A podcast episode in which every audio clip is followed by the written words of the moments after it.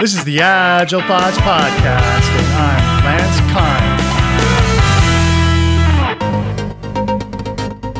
Kind. So, my name is Jordan Powell, and I am a developer experience engineer here at Cypress.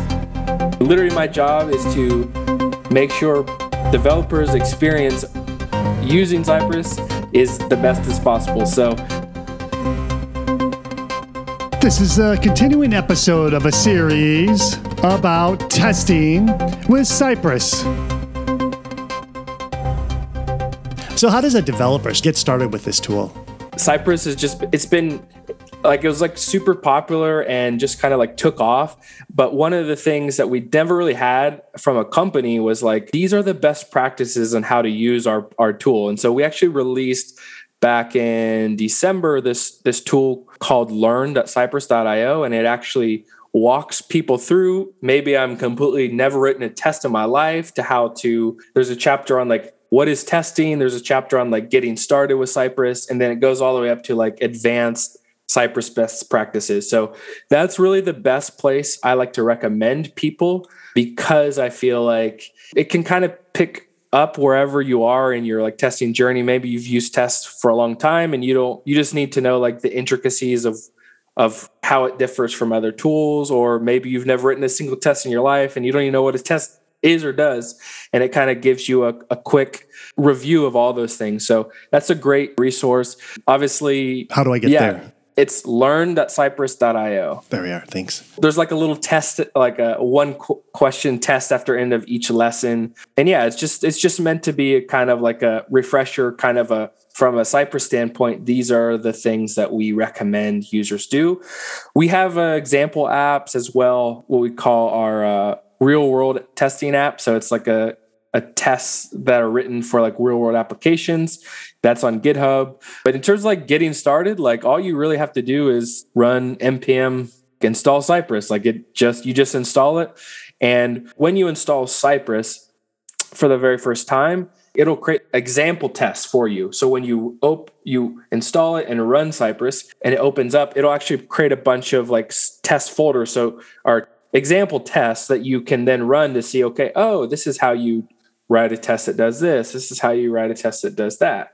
So it gives you a really good starting point for writing tests in your application just by installing Cypress for the first time. All right, testing pyramid. Are you a little familiar with that? Yes, I am. Awesome. Just check. So uh, this, so the testing pyramid describes a strategy where the bulk of the tests are the micro tests that test business logic, and then we go to the next floor where we see automated acceptance tests, and then finally GUI tests. Of course, there could be more tiers in there depending on how sophisticated or how detailed one is, but in general, there's at least three three tiers. Tell us how Cypress helps teams build tests for those three those three floors in the pyramid. Cypress, at least for the moment, doesn't it doesn't replace unit testing. So the bottom step of the of the of the testing pyramid is going to be unit tests and those are going to be those are going to be single uh, assertion like functions methods things that like actually test your code that you're writing as a developer. Those things are things that we use at cypress when we're writing code because we want to make sure that the code we write that ships with cypress works as expected those are like very micro detailed levels tests. In the past, the reason there's like this rule of 10. So it's like maybe you would have bottom level, you'd have like a thousand unit tests in, in a big application. And then the middle test is integration, which basically is like a unit test, but it's like maybe like two unit tests, like the integration between one part of your system and another part of your system that integration and maybe you'd have like a hundred of those tests and then the top level is is like a end-to-end test basically test you know, those things used to be really expensive to write, hard to write, painful to write, and they were really slow. And so you would maybe have like 10 of those tests. You'd have like 1,000, 110.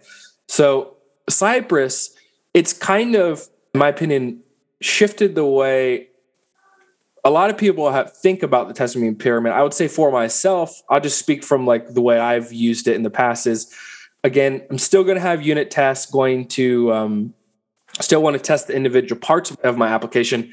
But for me, I've almost it, it, end to end tests with Cypress are not nearly as painful or as expensive in the sense of takes a lot of time to write or time to execute.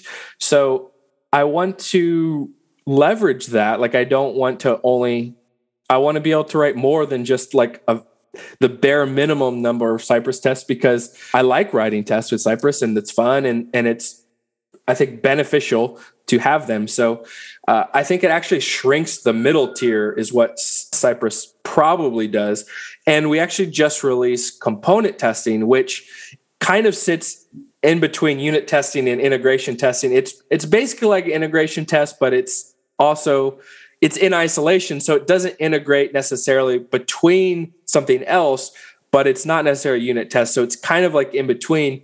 But in my opinion, the reason why you wanted to test the integration between two things before was because integrating testing an end to end where it integrates with everything was so difficult. But it's like if I can do end to end tests that test everything and I make sure the individual parts work really well, there's not a bunch of benefits to just testing the connection between two things. Because if I can test them in isolation and I can test them as an all encompassing thing, there's not a huge benefit to writing integration tests. Does that make sense? Yeah, yeah. And just like a, makes perfect sense. And, and I need to translate a little bit for the audience. So, um, and you said this uh, visually, you said that the integration test or something in the middle. The word integration test is really a, a fraught with that word means so many things to different people. But but sure. your point is is is it's not just unit testing; it's trying to test the connection with something else, which is the integration, and it's something in the middle. So so that makes sense. Yep, I just wanted to. And, and I think it's it's a good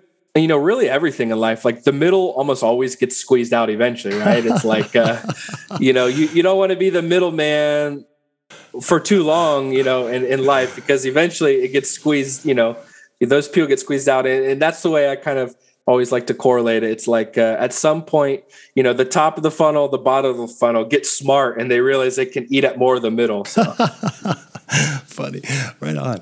Uh, okay, cool. And uh, just let me make some things super explicit. I mean, you, you, kind of uh, said these things as maybe a subtext, but I, am trying to be super yeah. explicit for the audience here. Is that you could use Cypress to build the unit tests in the unit test here. You could use build use Cypress to build the UI tests, and then you could also use Cypress to build the middle tier. But then, as you said, uh, if you're really good at writing lots and lots of unit tests, and then you have a, a reasonable number of GUI or end to end tests, then maybe the middle tier isn't as valuable, so you don't invest as much in there. Correct. So uh, you are okay. I want to clarify one thing you said. Sure, so you wouldn't write you wouldn't use Cypress. You can use Cypress, but I wouldn't recommend it. It's not built for this. You wouldn't want to use Cypress to just unit test alone because unit tests you don't want to run them in a browser. You want those to be quick, fast, and efficient. Like because uh, you want your functions to just work. You don't need to test your function in a browser, right?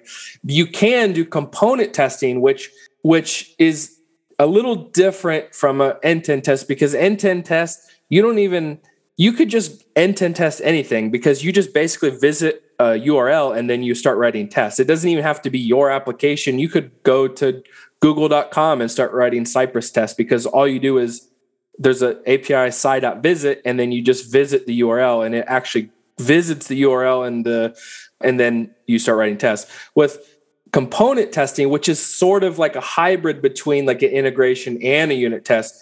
It actually we create our own like mini dev server and then mount that component in isolation, kind of like a kind of like Storybook in a way, but Storybook is more like just like a visual representation. Component tests with Cypress, you're actually writing assertions to test that this button is the same size, and when you hover over it, it it uh, you know maybe it has an animation, or when you click this, it does something, or whatever thing you have to actually you want to actually test. So in that sense, it's kind of like unit test, but it's also maybe a little bit of an integration test depending upon the type of component. So I just wanted to clarify that you wouldn't necessarily write use Cypress to do traditional unit testing. Oh, cool. No, this is good because uh, I'm literally never used Cypress. So I wasn't sure. All right. So I'm writing unit tests too. And you said that's important because then I could squeeze out the guy in the middle. What do people use to write unit tests in? A lot of people, I mean, I think there's like 27 million downloads a week of Jest. Like Jest is probably like the number one unit testing platform that I've seen. Karma is another one that people use. Mace, like for the most part, it's those two. And a lot of like N10 frameworks, Angular, NX, a lot of frameworks actually ship with one of those things kind of bootstrapped in your application. So mostly like unit testing, you don't even have to really think about because those are shipped with or if like if you came onto a project as a developer like they would already have unit tests unless you're like a greenfield project you would never even really have to think about like what unit test you're going to use but end-to-end testing you know that's the thing where those don't ship with with frameworks so those that's where you actually have somewhat of a decision as a developer okay Okay, cool. No, that uh, I see what you're saying then. So Cypress isn't used for unit testing. I'll just say it that way. It's used for end to end, and it's starting to trickle down a little bit because you were talking about the component testing. Correct.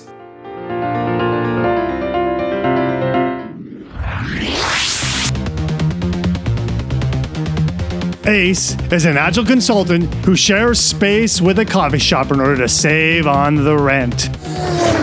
Meet this hard boiled, agile consultant and follow his adventures on helping his clients become agile no matter the circumstance. Scrum Noir, the project management comic book that teaches you agile, is available on Amazon. Just search for Scrum Noir. N O I R. The first of the series started at episode 247. If you are like my friend Ricardo and you missed that first episode, go back to your favorite web browser, type in Lancer Agile Thoughts, and there you will find a search engine so you can type in episode 247 and it will find it for you. Check out the show notes, and we will have goodies there for you right in your podcast player for easy tapping. You'll find links back to Cypress and other things that come up in the show. We'll drop links right in there, so it's easy to tap right on. If you don't use a podcast player, just go back to the website where you downloaded this MP3. Next episode, more Jordan Powell. It's really unique now that you had brought this up about the component testing, about how Cypress operates. And Cypress operates by loading things in the browser. So somehow, even to load that test, I have to tell Cypress to go load my component by itself in isolation, I guess. Um, and then from there. Yeah, one of the things I actually think that the benefit of component testing is probably most beneficial when you're writing your code like as a developer. So it's it's almost almost like TDD, but it's like when you're maybe building a component or you want to change like a you're working on some feature and you need to you know change some part of it, right? It's like you can actually just mount the component in isolation, work on it without having to think go to this this URL, visit this page, click some things to actually get to the thing you care about. You just mount the thing you care about and you can work in it in isolation until it actually does what it's supposed to. And then you could write an end-to-end test to make sure it works together with everything else. But actually, in the development stage, I actually find it most beneficial because you can work in, in isolation. And I find that it has increased like the productivity uh, of development and, and sped up that the sort of the dev life cycle